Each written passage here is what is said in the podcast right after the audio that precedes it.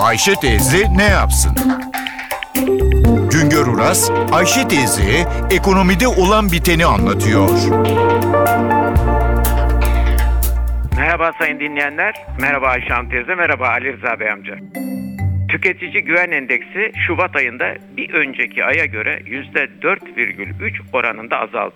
Tüketici güveni son 4 yılın en düşük çizgisine indi. Tüketici Güven Endeksi basit anlatımıyla halkımızın moralinin ne durumda olduğunu gösterir. Sadece bizim ülkede değil, başka ülkelerde de halkın, tüketicinin güvenindeki değişim her ay ölçülür, açıklanır. Çünkü bu gösterge ekonomiyi yönetenlerin, tüketicinin, üreticinin, yatırımcının ekonomide olan biteni anlamasını sağlar. Halkımızın moralinin bozulması her bakımdan önemlidir ama ekonomi bakımından çok çok önemlidir. Çünkü ekonomi denilen çarkı döndüren insandır. İnsanların yaşadıkları güne güveni, gelecek hakkındaki bekleyişleri ekonominin duraklamasına veya hızlanmasına yön verir. İnsanlar mutsuz ise, güven yitirirler ise, yarınlar için bekleyişleri kötüleşir ise işlerine kapanırlar. Tüketici parası var ise harcamaz, üretici yatırımlarını, üretimini keser. İşçi almaz, işçiyi çıkarmaya başlar. TÜİK tarafından her ay tüketicinin kişisel mali durumuna ve genel ekonomiye ilişkin değerlendirmeleriyle gelecek dönem hakkındaki beklentileri ölçülüyor. Yakın gelecekte yapılması planlanan harcamalarına ve tasarruflarına ait eğilimleri soruluyor.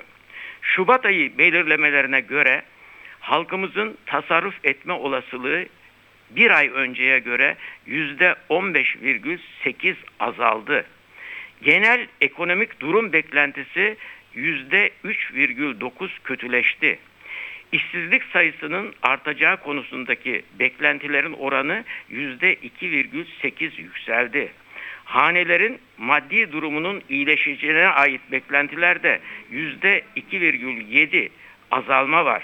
Şubat endeksinin aylık olarak yüzde 4 virgül azalması önemlidir ama daha da önemlisi bu azalma tüketici güven endeksinin 69,2'ye gerilemesidir. Endeksin yüzden büyük olması tüketici güveninde iyimser durumu, yüzden küçük olması tüketicinin güven kaybettiğini gösteriyor.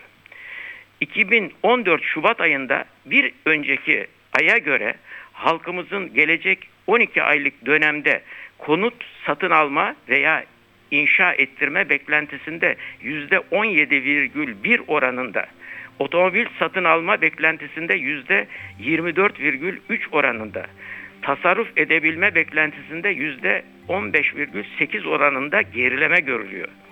Daha iyi haberler verme ümidiyle bir başka söyleşiye kadar şen ve esen kalınız sayın dinleyenler.